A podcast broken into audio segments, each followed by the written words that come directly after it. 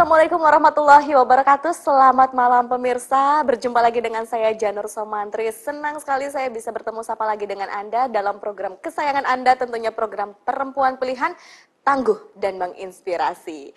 Tentunya pemirsa menemani uh, santai Anda dan keluarga di kesempatan malam hari ini saya juga ingin uh, menemani Anda dengan perbincangan yang sangat menarik sekali. Dan sebelum saya memberitahu apa sih kira-kira tema yang akan kita angkat di kesempatan malam hari ini saya tidak sendiri. Saya akan memperkenalkan seorang sosok yang tangguh dan menginspirasi tentunya yang sudah hadir di samping saya. Sudah hadir di sini Ibu Lili Eliah SH MM Selamat malam Bu. Sehat sehat. Alhamdulillah ya kuning ceria, ceria gitu ya dan sesuai selalu dengan partainya kuning. Betul, selalu ceria Bu. Selalu ceria. ya pemirsa, Bu Lili ini adalah seorang uh, ketua DPD Golkar Kota Cirebon. Beliau juga aktif juga sebagai seorang yeah. advokat. Ya, yeah. saat ini sedang merancang strateginya ini. Kira-kira advokat ini akan dikembangkan seperti apa gitu yeah. ya. Lalu uh, beliau juga adalah seorang ketua KPPI Kota Cirebon dan ini sebetulnya ini adalah kali pertama saya ketemu dengan beliau dan saya baru mendengar uh, sepak terjangnya beliau itu dari kawan saya. Ini beliau tuh perempuan yang sangat tangguh dan menginspirasi. Kenapa? Beliau tuh hebat loh. Sudah menduduki sebagai anggota legislatif tiga periode. Betul ya Bu ya itu ya? tiga periode. tiga periode. Itu luar biasa sekali loh Bu. Ya. Untuk seorang perempuan ya gitu. Yang lain juga bisa yang penting disiplin. Intinya disiplin ya Bu ya. disiplin. ya. Terus sekarang kegiatannya apa aja Bu? Saat -saat sekarang setelah res dari DPRD mm -hmm. tanggal 12 Agustus kemarin kami itu sekarang lagi bebenah dulu Partai Golkar karena kita juga akan menghadapi Rakerda tanggal 7 September ini. Setelah beres Rakerda, mungkin saya akan ngurus kantor saya juga. Ya. Jadi waktu ini dibagi-bagi lah gitu. Karena kita ngurus partai juga, ya kita juga harus ngurus untuk pribadi juga gitu. Ya, Penghasilan pribadi. Gitu. Tentunya malam hari ini juga kita akan coba spesifikasikan. Kita angkat tema adalah mengenai karena ini berupa apresiasi ya untuk ibu yang satu ini nih yang hmm. sudah menjabat tiga periode ini sangat luar biasa. Saya akan angkat tema mengenai pengabdian seorang Lili Elia. Waduh, ngomong-ngomong pengabdian ibu. Menurut ibu sendiri apa sih pengabdian itu apa sih gitu? Ya pengabdian tuh susah ya kita pokoknya bekerja nothing tulus lah gitu jangan kita harus total terhadap uh, apa yang kita jalani kalau kita jalaninya, ayo kita total lah ke A. Gitu. Kalau kita jadi ketua, ya kita harus total. Semuanya ikhlas tanpa mengharapkan imbalan apa pun. Itu pengabdian menurut saya. Jadi gitu. kalau ngomong-ngomong pengabdian, pengabdian ibu di bidang politik ini sejak sejak kapan kalau kalau kita boleh tahu nih? Kalau tidak salah saya dari tahun 2000. Tahun 2000 sudah tahun 2000, ibu memutuskan untuk terjun ke terjun ke dunia politik itu pun dibawa oh. dibawa sama Pak almarhum Haji Sunario. Uh-huh. Itu waktu itu saya masih advokat gitu. Karena ya, memang basicnya advokat. Advokat, juga, ya, memang ya. basicnya advokat. Saya berkenal dengan Pak Haji Sunario, jadi ya paksalah masuk ke partai. Uh-huh. Karena waktu itu kan uh, Golkar tuh dulu ABG, ABRI, birokrat Golkar. Kan setelah adanya undang-undang baru, kan tinggal Golkarnya saja. Yeah mungkin kan kekurangan orang-orang yang potensi untuk menjadi pengurus. Akhirnya kami diminta untuk jadi pengurus. Kebetulan saya di bagian pengabdian masyarakat. Pada saat. Mm -mm, hukum dan pengabdian masyarakat sesuai basic saya. Ya, masuklah di partai tahun 2000. Tahun 2004 saya dicalonkan sama Pak Haji Sunario untuk Karena ke DPR. Itu, Pak Haji Sunaryo melihat potensi ibu ada juga gitu loh untuk menjadi seorang wakil rakyat pada saat itu mungkin ya? Ya nggak ngerti gitu. Saya juga waktu daftar tahun 2004 tuh masih agak ragu tuh bisa nggak ya gitu. Ya, ya, Saya ya. di DPRD, tapi dengan didikan dan keyakinan dari almarhum, ya saya nyoba gitu. Waktu itu masih nomor urut. Saya dapat nomor urut tiga kebetulan tahun 2004 itu Golkar kan pemenang. Ya. Jadi dapat di dapil dua itu tiga kursi. Uh-huh. Saya masuk gitu. Ya. Memang nah, sudah rezekinya ya Bu. Ya, mungkin sudah Jalan ada jalannya dan sudah ada tulisannya gitu. Uh -huh. Saya masuklah di dewan. Sambil saya juga bingung gitu. Saya kan basicnya dari hukum. Yes. Hitam putih. Yeah. Sedangkan kalau politik itu kata orang abu-abu gitu. Kita nggak tahu hitam atau iya, putih. Iya, padahal gitu. itu kan tergantung kitanya dalam yeah. menjalankannya. Mau abu-abu bisa, mau hitam putih bisa gitu. Tergantung kita yang melaksanakannya. Diajarilah politik gitu sama Pak Haji Sunario. Ya sampai terbentuk seperti ini. Iya, iya, iya. Dan uh, dan yang membentuk juga pengalaman juga Pak. Lamanya waktu mungkin dari benturan apa yang namanya politik kan pasti harus dibentur-benturin. Bu kalau bentuk dulu mungkin uh, jenatnya Pak Haji Sunar Sunario mm -hmm. ya. Pak Pak Haji itu uh, pada saat membelajarkan ibu menjadi seorang politikus tuh bentuk realnya seperti apa? Kadang kan kayak mungkin kayak saya ya Bu ya perempuan, mungkin juga pemirsa di luar sana yang juga perempuan inginlah gitu, ingin sebetulnya ingin gitu berkiprah di tengah-tengah masyarakat, tapi dia nggak tahu apa sih yang harus dilakukan untuk pertama kali awal langkahnya gitu loh untuk menjadi seorang ya itu yang tadi kalau pengabdian kita pengen masuk ya harus total jangan setengah-setengah. Kalau setengah-setengah ya bantat kalau ini mah gitu. Bulunya bantat itu ya. Iya jadi harus total gitu. Ya kalau kita udah mau terjun ke politik, total lah kita harus uh, ini gitu. Full untuk politik gitu. Tapi kalau kita masih ragu, setengah lebih baik jangan lah. Gitu. Kalau sudah total, yang namanya politik kan nggak ada teorinya. Walaupun sebetulnya ada ya jurusan. Ada, ya, jurusan politik ada, ada, tapi kan hanya pengetahuan ilmu politik itu apa? Ya kayak Pan Bumel itu kan definisi. Bener, tapi dalam politik apa? Ya, apa tuh? Ya udah tiga. Kalau menurut saya tiga periode gitu di lapangan. Politik seni, iya. Kalau saya melihat politik itu seni gitu. Bagaimana cara seni mempengaruhi orang, cara seni merangkul orang untuk dia bisa loh memilih kita. Karena kita kan di politik otomatis tujuan endingnya ke mana? Hmm. Kalau bukan ke jabatan gitu. Yeah. Okay. Makanya saya bicara ke para pengurus yang ada di Kota Cirebon di DPD Golkar. Anda masuk pengurus itu harus punya tujuan. Mm-hmm. Kalau nggak punya tujuan nggak usah. Mm-hmm. Saya bilang nggak usah masuk pengurus. Gitu aja. Yeah, Kalau yeah. sudah dia punya tujuan pengen masuk ke sana, otomatis dia semangat. Ya, Tapi ada kalau strategi. Iya, ada strategi dan kalau kita memberikan jangan apa pun juga ya pasti dia akan berpikir oh harusnya begini, mm-hmm. harus begini. Gitu. Iya. Nah, Baik, tadi Ibu sempat cerita ya uh, pemirsa bahwa ibu awalnya memang adalah basicnya advokat yang pada akhirnya ibu menemukan jalan kehidupannya bertemu dengan seseorang yang memang membentuk ibu menjadi seorang uh, politisi yeah. gitu ya. Nah nanti mungkin ceritanya boleh di share bu supaya mungkin jadi inspirasi untuk perempuan yeah, di luar iya. sana tapi jangan sekarang Bu kita harus break dulu. Pemirsa Anda jangan ke mana-mana. Nantikan pemaparan Bu Lili di sini bagaimana dia awal terjun ke dunia politik dan bagaimana dia mulai belajar mengenai politik iya. itu. Setelah yang saat ini jangan ke mana-mana tetap bersama kami di Perempuan Pilihan.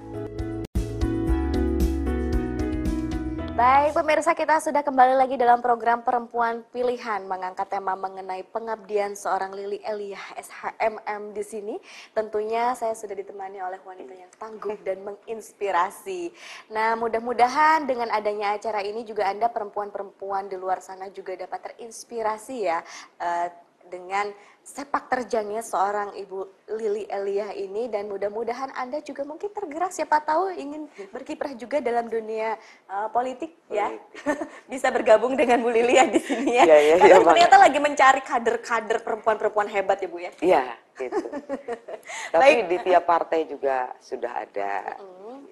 Karena saya sendiri sebagai ketua KPPI, Kampus Perempuan Politik Indonesia di Kota Cirebon. Ya saya juga merasa bangga dan saya juga mengucapkan selamat terhadap para perempuan yang hari kemarin tanggal 12 Agustus dilantik menjadi anggota DPRD Kota Cirebon sekarang berjumlah 10 orang. Wah, ada peningkatan ya. Dulu waktu saya masuk itu cuma dua orang perempuan.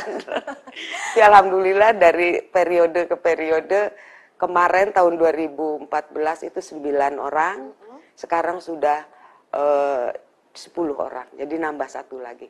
Mudah-mudahan kita bisa sampai kan ini ada 35 lebih dari 30 persen karena kita saya sendiri orang yang paling tidak setuju sebetulnya ada 30 persen perempuan tuh. Mm-hmm. Kalau perempuannya belum siap ngapain gitu dipaksa-paksa 30 harus 30 persen aturan tersebut. Baru ya, Bu, ya, iya, bila perlu kalau perempuannya udah siap 100 persen kita ambil gitu. Siap, hebat lah, keren pokoknya ya. Tapi sebelum ke arah sana mungkin uh, Jenner ingin tahu dulu, pemirsa di rumah juga ingin tahu hmm. ceritanya Ibu. Uh, bagaimana Ibu pada saat itu belajar politik? Pada saat itu apakah mungkin Ibu punya cerita sendiri? oh iya cerita awal pertama saya masuk ke DPRD itu yeah. perasaan saya seperti seorang advokat saja sebagai uh, pengacaranya Pak Haji Sunario. Mm-hmm. Waktu itu kan anggota DPRD ada permasalahan APBD tahun 2001. Mm-hmm. Ya kita bantulah ya karena kita juga dari bidang hukumnya. Jadi masuk tuh ya seperti pengacaranya Pak Nario aja. Pas per, permasalahan itu sudah selesai, beres, Baru saya dipanggil sama Pak Haji itu. Li, kamu sebelum masuk ruangan, datang dulu ke ruangan saya. Karena beliau itu kan ketua DPRD yeah. waktu itu. Ya tiap pagi saya datang. Kalau Pak Naryo itu disiplinnya memang, kita nggak bisa ngalahin datangnya Pak Naryo gitu. Pengen saya pagi-pagi ini, eh nggak tahu Pak Naryo udah duluan gitu. Jadi nggak pernah kita bisa ngeduluin Pak Naryo datang ke DPRD. Pulangnya pun begitu gitu. Jadi saya masuk, dia hanya tanya gini aja. Ada apa li di Cirebon? Itu aja. Iya. Ada apa pak? Om saya dari rumah baru langsung ke sini. Kan gue kan ngerti iya. apa-apa ya. Orang baru juga iya, gitu. Kamu udah baca koran belum? Nah itu awalnya. Belum pak. Tadi bilang gitu. Jangan masuk ruangan ini kalau kamu belum baca koran. Okay. Tuh, jadi saya tiap pagi itu kebiasaan pagi baca koran tuh ya dari beliau. Gitu. Jadi mulai dari sana Ibu melakukan rutinitas setiap pagi adalah baca koran. Iya. Jadi sarapannya itu sarapannya baca koran, baca dulu. koran dulu karena nanti kalau ketemu Pak Nardo nanti banyak pertanyaan gitu. Jadi saya harus bisa menjawab gitu. Iya. Dan pemecahan apa yang ada di yang diberitakan itu gitu. Iya, Jadi memang kalau politik itu belajarnya hanya ngobrol kalau kata saya mah. Mhm. Ngobrol pemecahan masalah gitu. Dan ada seni di situ? Nah, ada seninya di situ. Kan biasanya banyak komentar dari orang politisi, ada yang dari birokrat, ada yang dari apa. Gitu. Kalau orang birokrat ya ada lah gitu triknya. Ini kalau dia bicara gini harus seperti A gitu. Contohnya gimana sih? Oh, jangan. kalau politisi bicaranya A, Li kamu jangan percaya dia itu itu ya, gitu. Ya, okay. Itu kan biasanya orang politisi kalau ngomong di koran normatif. Uh -uh. Tapi apa maksud dan apa keinginan yang dia ucapkan itu kamu harus tahu gitu. mm-hmm. itu makanya jadi seninya itu di ya di ya? situ gitu jadi kita ya kadang menggali lah mm-hmm. apa gitu kok pembicaranya seperti ini sih ada apa ya uh-huh. gitu kok dia ngomongnya gini kenapa ya itu memang orang politisi seperti itu gitu dia selalu menggali dan menggali apa benang merah dia ngomong gini terus ada temennya ngomong gini apa di sambung-sambung lah gitu, ada benang merahnya yeah. gitu. Uh, eh, seperti itu aja okay, gitu. Jadi ya. semuanya pada intinya adalah bagaimana cara kita berkomunikasi dengan berkomunikasi tempat, ya, dengan seseorang karena mungkin setiap orang beda-beda karakter beda-beda ya Bu ya. Oke Bu, tentunya selama tiga periode ini banyaklah uh, pengalaman hmm. baik itu di bidang politik, di bidang uh, sosial, di lapangan yeah. seperti apa yang Ibu dapatkan di lapangan itu yang pada akhirnya itu membuat inspiratif juga menurut ibu gitu ada nggak yeah. cerita-cerita saya itu ya? hanya terkesan satu hmm. waktu saya mau dilantik tahun 2004 tanggal 11 Agustus waktu itu Pak Naryo manggil saya kalau seorang politik itu harus sudah planning punya planning lima tahun ke depan kalau kamu mau di dewan lagi di saat kamu dilantik hari itu di situlah awal kamu itu kampanye untuk lima tahun yang akan datang. Jadi kampanye itu bukan karena mau pemilihan langsung baru turun. Iya. Jadi udah jauh-jauh hari ya itu apa kampanyenya? Ya, kita mesti silaturahmi, hmm. datang, turun, itu aja kali. Ya itu yang membentuk jadi kedekatan bukan karena seperti sekarang ya. Karena sekarang kan karena kebutuhan gitu. Kebutuhan gitu banyaknya. Tapi itu pernah saya buktikan di tahun 2014 waktu itu saya masih berduka ya dengan meninggalnya adik saya. Saya itu nggak pernah sosialisasi tidur aja. Gitu udahlah mau jadi lagi mau enggak juga nggak masalah gitu. Tapi kok suaranya tetap masih tadinya dua lebih masih paling kurang cuma 300 dengan saya tidak sosialisasi gitu. Apakah ya, mereka... itu juga menandakan pada saat itu memang belum ada tokoh per politis perempuan banyak. juga? Oh, Kalau 2014 kan ya? kita ada sembilan perempuan okay, yang okay. masuk dewan tuh. Jadi persaingan juga udah ketat. Tapi mungkin uh, karena kedekatan silaturahmi jadi udah ya mungkin dia ngambil duit dari orang gitu milih tetap saya gitu mungkin bisa gitu. Nah, hati nggak bisa dibohongin ya? Iya nggak bisa. Jadi di politik orang bilang katanya harus punya duit banyak. Kalau saya berpikir duit juga penting, tapi bukan faktor utama. Tetap kita strategi dan kekeluarga pendekatan silaturahmi. Hmm. Itu yang terpenting bagi saya. Jadi modalnya cuma itu aja bu, komunikasi. Iya selalu keep komunikasi, komunikasi. dengan masyarakat. Di Terus uh, rumah tuh jangan ditutup. Kan kebanyakan kalau udah jadi anggota dewan kan banyak yang datang ya, ya minta ini ini. Kalau saya hadepin mau ada mau nggak ada ngomong apa adanya, mm-hmm. Gitu. Karena kan biasanya dewan tuh dianggap dewa ya, apa pun dikiranya bisa. Iya, Dari sekolah orang sakit, terus orang yang mau bisulan dioperasi juga kan selalu datang minta pertolongan. Nah, untuk menghadapi masyarakat yang mungkin memang betul ya tadi ibu bilang karena memang kondisi di lapangan seperti itu bahwa masyarakat menganggap uh, anggota dewan itu adalah bank ya kan ATM ya, gitu. ATM. terus Kayak bisa punya, bisa mengabulkan duit, apa gitu. saja ya apa yang mereka mau nah untuk menghadapi pemahaman-pemahaman masyarakat seperti itu bagaimana ibu mengedukasi mereka bahwa ya kita kasih pengertian dan kita bicara apa adanya hmm. nih dewan tuh begini gajinya segini ini segini kebutuhan diambil partai segini kita juga kan punya keluarga nah nanti kalau saya ada rezeki saya kasih hmm. sekarang saya lagi kosong okay. tapi pas lagi saya aja ada harus dikasih walaupun nggak diminta hmm. gitu jadi ya mereka pada ngerti kok yeah. jadi nggak usah ngumpet gitu lebaran juga kalau nggak ada duit ya tinggal dibuka aja nggak ada nggak pakai ini gitu jadi nggak masalah gitu yeah, kalau bagi saya yeah. Iya, dan menurut saya adalah mempertahankan jumlah suara mm. di tiga periode yang maksudnya yang masih bertahan ya Bu mm. ya dengan persaingan yang ketat itu yeah. adalah sesuatu yang sangat luar biasa yang iya. mungkin yeah. tidak semua perempuan bisa mempertahankan suaranya Bu dengan jumlah seperti itu gitu kan. Iya. Jadi tergantung dari orangnya. Bu apakah memang setiap orang memiliki karisma sendiri-sendiri ya Bu ya? Gak gitu. ngerti gitu.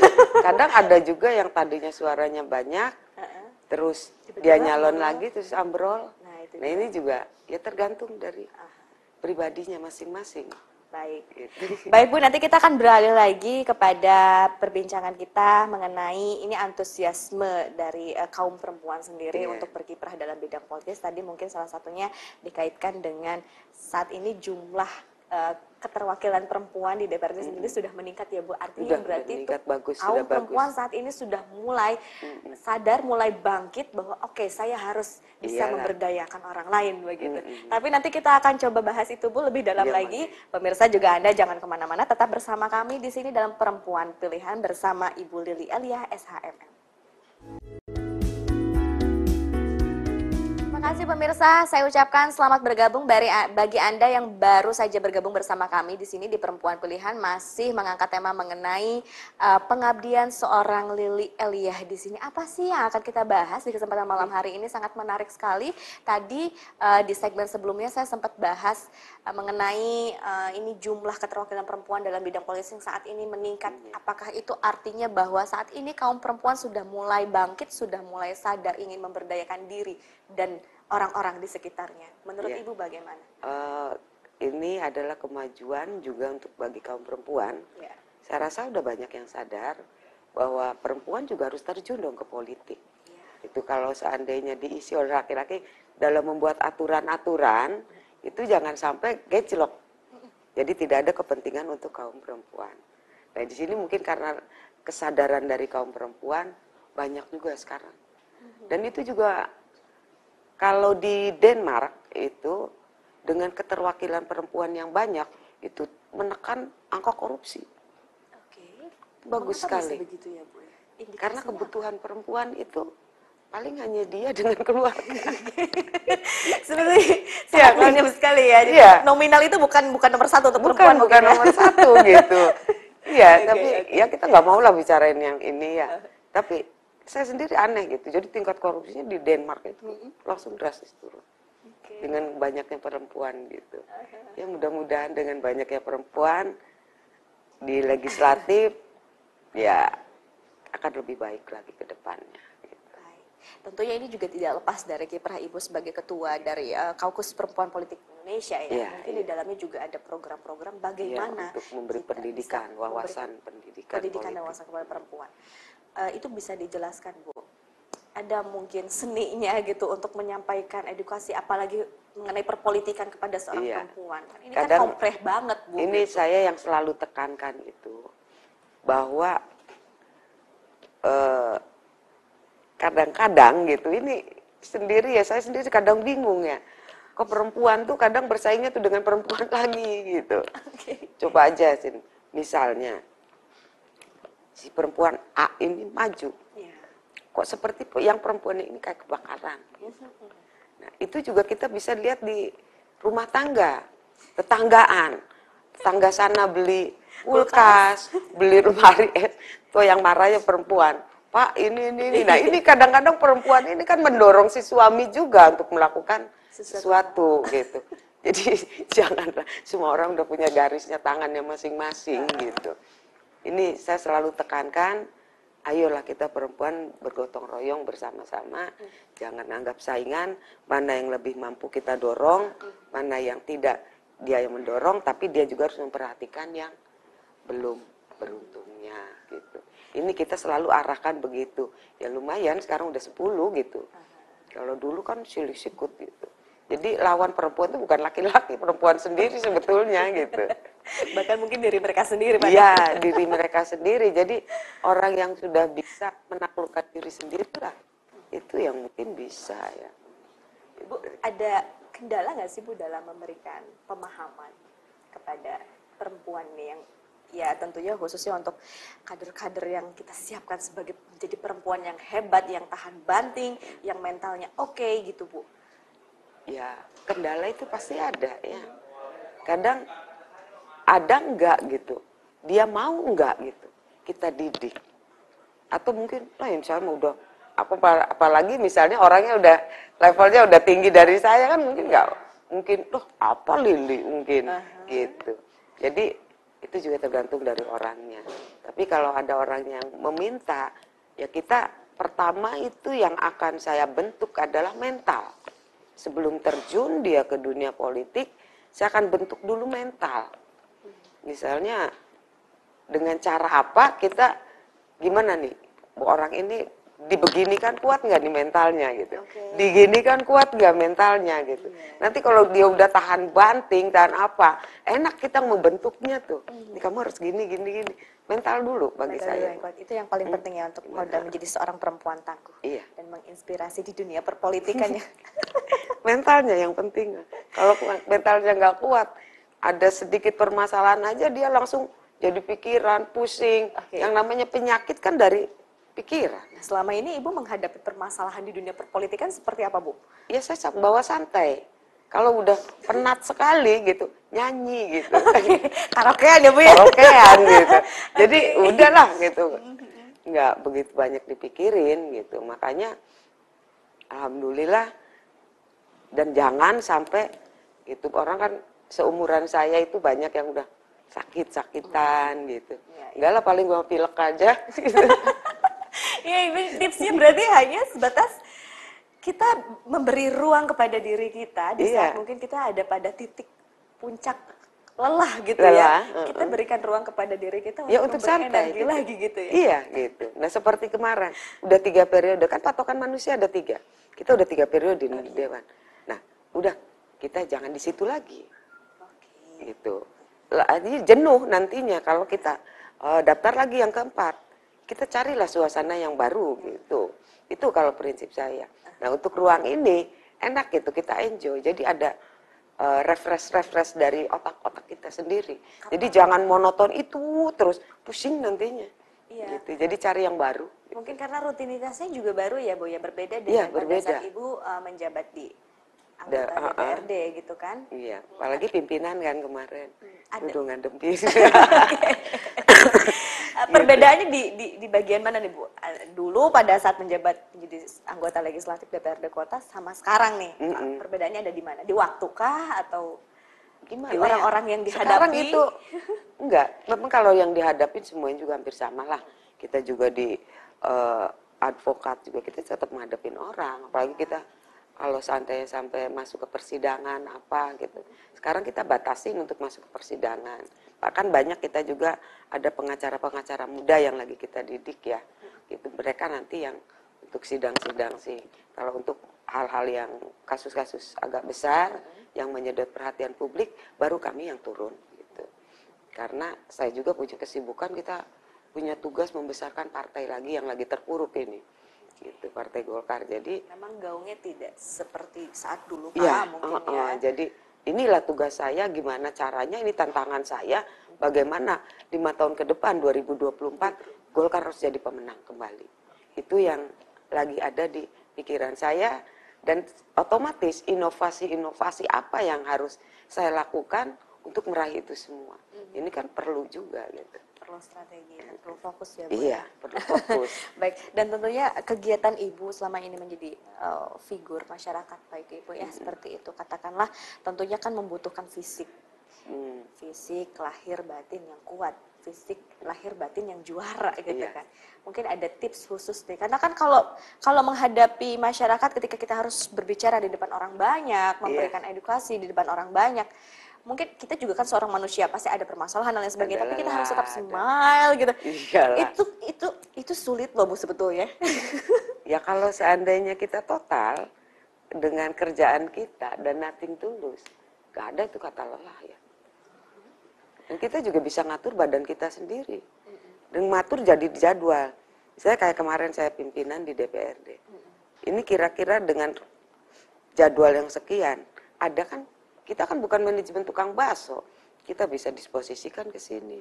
Ke sini mana yang penting kita ambil. Ya. Itu kita ngatur diri sendiri lah. Dan juga makanan. Makanan juga dengan, misalnya saya usianya udah segini, harus kurangin dong. Saya suka sate, tapi dengan kondisi saya seperti ini, saya paling saya paling tiga tusuk atau lima tusuk, walaupun masih pengen. Begitu juga duren segitu biasanya satu ini habis ya. Ini ya kita harus tiga lah. Walaupun masih pengen tapi kita jadi nahan lah. Ya. Dari mulai makanan, jaga kesehatan, ini yang penting. Pikiran. Pikiran, jangan terlalu banyak pikiran. Suka saya jarang gimana mau olahraga, waktunya nggak ada. Iya iya iya ya. tapi tentunya kesehatan bukan hanya saja mungkin dari olahraga. Mungkin iya, kalau misalnya berolahraga bisa mungkin dengan aktivitas yang dengan kita aktivitas saja udah kayak cukup. olahraga itu. Iya betul. Yang penting pikiran kita lebih terjaga ya, lebih ya Bu terjaga. ya agar tidak kembali lagi ke fisik ya. kita, tidak lemah gitu ya Bu ya. Ya karena semua penyakit kan berasal dari pikiran. Mm -hmm. Kalau pikiran pikir makanya tadi kan saya bilang kalau mentalnya belum kuat nanti kan dipikirin jadi penyakit gering gitu. yang penting bahagia Bu ya. Iya yang penting happy aja kalau udah penat sekali nyanyi lah. Bu, kalau anak-anak sering nggak sih ngeluh gitu, ibu kok jarang di rumah, kegiatan terus di luar, kita pengen dong kumpul gitu loh, sibuk banget Kadang sih bu. ada gitu, tapi kita yang penting komunikasi, ya. jangan sampai lepas. Seperti waktu anak-anak kuliah di Bandung, saya di Cirebon, itu ya komunikasi aja kan ada HP masing-masingnya gitu. Jadi pada intinya komunikasi itu adalah kunci, kunci dari, dari kesuksesan semuanya. kehidupan kita. Iya. Baik, nanti kita akan coba bahas itu lebih dalam lagi Bu. Hmm. Jangan ke mana-mana pemirsa tetap bersama kami di Perempuan Pilihan.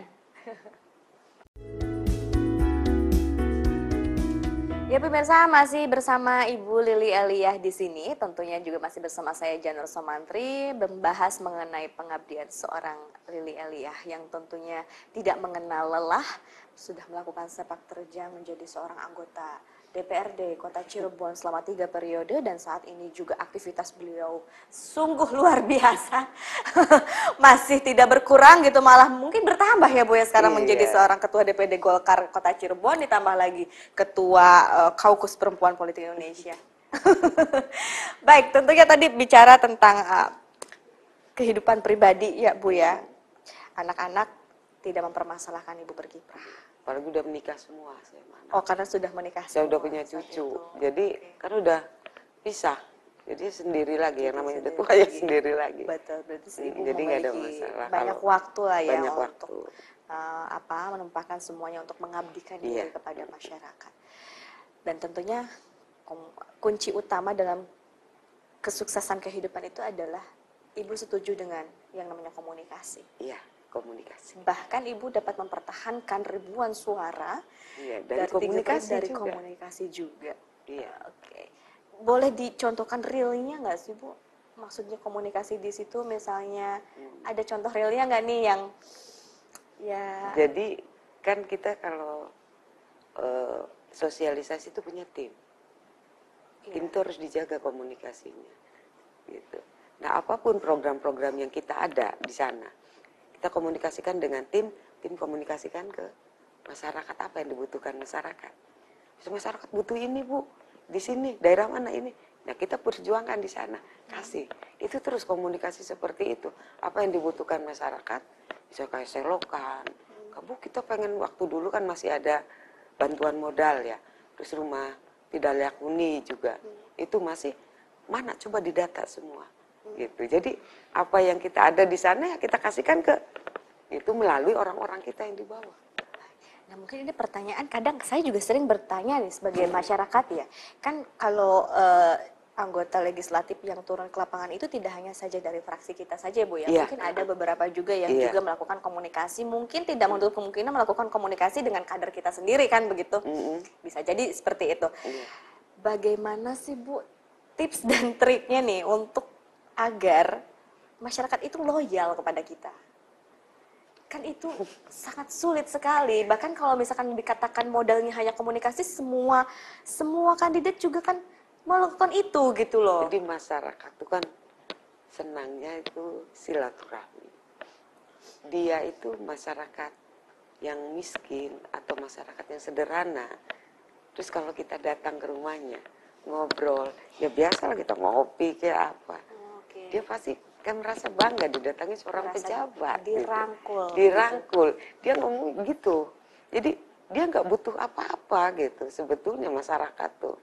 Jadi yang penting mah datang ngobrol diakulah gitu. Mhm. Itu keinginan masyarakat. Ya kalau ada undangan ya datang. Iya, iya, gitu aja. Itu Oke. keinginannya. Setelah saya pelajari, oh jadi pengennya tuh datang, hey ke mana? Jadi jangan merasa karena dia sudah menjadi seorang pejabat, jadi orang ini jadi sombong atau gimana. Itu yang paling jadi omongan gitu. Tapi ya ngomong-ngomong nih Budi, ini mungkin agak melenceng dari tema kita ya. Saya tuh pertama kali ketemu ibu, eh, saya tertarik sekali dengan sepatu ibu. ini ibu lah pakai sepatunya sepatu kets. Apakah ini menandakan karakter ibu juga gitu, yang simple dan cepat gitu ingin bahkan saya sendiri ini pakai heels loh pemirsa. dan saya ibu pakai sepatu, ibu seneng sama sepatu kets. Memang setiap Karena- hari di lapangan pakai kets gitu. Iya, karena gimana ya? Saya itu kalau kerja itu pengennya cepet gitu. Terus kalau jalan-jalan ribet-ribet tuh pusing gitu. Ini memang ya itu aja lah kesenangan gitu begitu. Jadi ya mungkin juga pribadi cepat. Jadi kalau seandainya ada teman pengurus yang kalau disuruh atau bekerjanya lelet gitu. Kayak aduh, kayak gregetan gitu. Ya udah saya ingin kerjain gitu. Itu kalau saya pengennya gitu. Cepat lah apa yang kita ini kan. Jadi kalau kita kerja cepat karena kerjaan-kerjaan yang lain kan masih Masih ada menunggu ya, Bu, ya? menunggu. Jadi kalau ininya lama gimana mau ngerjain kerjaan yang lain gitu? jadi mungkin cepet ya kayaknya pengen cepet. Iya, iya. Perlu lari gitu. Kayak sekarang ini Golkar, udah kita terpuruk, kayak kita harus lari lah gitu. Mau tidak Ayo mau kita ya? harus gini, gini, gini, gini. Tapi jangan hanya nyuruh-nyuruh aja, kita sendiri harus turun. Hmm. Gitu. Jadi mencontohkan ke pengurus atau ke apa tuh, jangan hanya bicara, jangan hanya nyuruh. Seperti bos nyuruh ke eh, pegawai, Pegawai. jangan. Aha. Ya kita ikut turun lah Ikut gitu sama mengerjakan. mengerjakan juga gitu. Jadi ya sekarang alhamdulillah para pengurus kompak semua. Golkar yang tadinya kayak rumah hantu sekarang udah terang benderang dan sudah ada auranya. kembali sedikit-sedikit perlahan berkumpul Perlahan. kembali ya dan mudah-mudahan ini ke depannya di tahun 2024 Golkar kembali menggaung, menggema seperti menggema dan kala. kita akan raih sebagai pemenang pemilu. Itu target saya. Langkah-langkahnya Bu Wah, eh, rahasia itu. masih rahasia ya Bu ya. Baik Bu, Rahasia. tentunya untuk Karena tiap partai punya eh, langkah tersendiri dan strategi-strategi tersendiri. Betul. Nah, dan mungkin salah satunya adalah memberdayakan eh, kader-kader perempuan ini. Iya. Bu, kan tentunya nggak nggak gampang nih Bu. Kayak misalnya eh, saya aja du- dulu ya, sempat saya berpikiran, aduh saya mau dong. eh, saya mau terjun ah ke bidang politik ah pengen tahu sih kayak gimana sih bidang politik itu ternyata banyak juga eh, apa bagian-bagian dari keluarga saya lu ngapain ngapain sih ke politik gitu kan pada akhirnya itu yang akhirnya bikin saya mandek Reg, maju mundur lagi mundur lagi gitu Ini yang harus diberi pemahaman pada masyarakat bahwa politik itu bukan politik seperti yang sekarang dilihat aja. Wong di dapur juga ada politiknya. Bagaimana cara kita? Nih kita pengen masak. Duh, gimana ya? Kan beratur strategi itu. iya Garamnya seperti sedikit, terus mericanya supaya enak tuh seperti apa ya? Oh iya ini ditambahin ini, ini. Ya itu kayak gituan politik juga. Iya iya Cuma ini skupnya skup dapur, ini skupnya skup di luaran. Gitu. Tapi kalau budaya kita kan yang yang yang terlihat saat ini mungkin eh, terutama dalam hal ini ya Bu ya eh, rumah tangga. Biasanya kan kalau perempuan itu terikat dengan instruksi Oh, suami. suami. Nah, itu bagaimana? Surga nunut neraka katut gitu ya. Memang sebagai seorang perempuan, kalau saya boleh memberikan saran, apabila yang mempunyai suami, minta izin dulu pada suami. Ya. Kalau suami mengizinkan, total itu lebih bagus. Dan kalaupun misalnya sampai perempuan itu menjadi eh, apa seorang yang dikenal, public figure atau apa, itu berkat jasa dari suami dan keluarganya dan anak-anak. Iya, iya. Jadi dia bukan karena dia menjadi seorang jadi wali kota kek, jadi apa. Itu tuh berkat pengorbanan dari keluarga. Jadi di belakang wanita yang hebat ya pasti ada laki-laki yang hebat atau anak-anaknya yang ini gitu. Jadi nggak bisa sendiri gitu. Karena biar gimana pun orang yang sudah terjun di dunia publik itu waktunya kan kes- banyak Pasti kesita. Nah ini kan ada pengorbanan dari Dari keluarga, orang-orang terdekat kita. Baik, tentunya pemirsa berbicara mengenai orang-orang terdekat yang tentunya uh, selalu memberikan kita support dan doa-doa terbaik untuk kita. Kita justru ingin tahu siapakah orang-orang terdekat yang ada di dekat Ibu Lili Aliyah yang menjadikan Ibu Lili Aliyah saat ini menjadi sosok yang tangguh dan menginspirasi. Sesaat lagi jangan ke mana-mana, tetap bersama kami di Perempuan Pilihan. Ya pemirsa terima kasih Anda masih setia bersama program kami di program Perempuan Pilihan Tangguh dan Menginspirasi. Dan malam hari ini masih bersama Ibu Lili Elia dan juga saya Janel Somantri berbicara mengenai pengabdian seorang Lili Elia yang tangguh dan menginspirasi tentunya di kesempatan malam hari ini.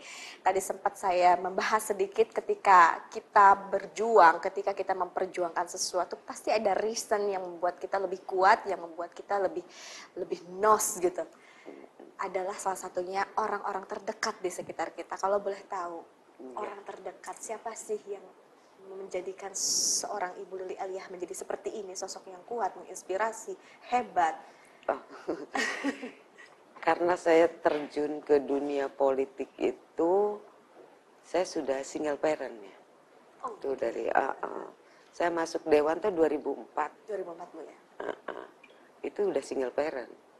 Jadi yang memberi semangat, terus motivasi saya, anak-anak saya, dan orang tua saya. Cuma itu. Pada saat Jadi- itu orang tua Ibu masih lengkap ya Bu ya pada saat Ibu Eh, terjun ke terjun ke dunia politik masih lengkap gitu. Pas 2010 ayah tidak ada, hanya ibu masih ada. Alhamdulillah.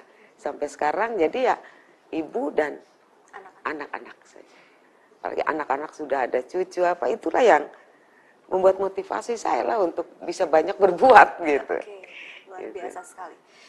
Ada pesan-pesan khusus ya dari mereka orang-orang terdekat ibu mungkin pada saat Hmm. ibu eh, dipercaya oleh masyarakat untuk menjadi memegang amanah begitu ya.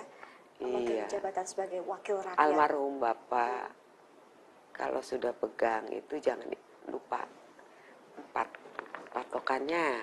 Kalau sudah jadi dewan Mhm. Satu, kalau ada orang yang nggak makan kasih makan. Itu pesannya, Bu. Iya, Almarhum ayah maksudnya. ayah, ayah. Kalau ada orang yang meninggal datangin. Orang yang hajat datang. Orang yang sakit datang cuma empat. Cuma empat itu aja. Iya itu. Dan itu yang masih ibu pegang sampai sekarang. Iya. Mm-mm. Ya itu karena karena kadang-kadang kesibukan saya ada ini meninggal atau apa. Kadang saya nyuruh ini kader gitu kan. Ini mungkin yang percaya. iya gitu mungkin itu aja. Cuma itu aja.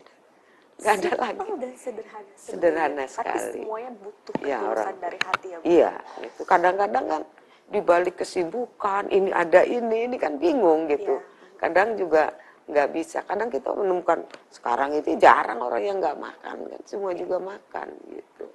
Pasti paling juga ada orang yang minta bantuan. Kalau kita ada ya kita bantu.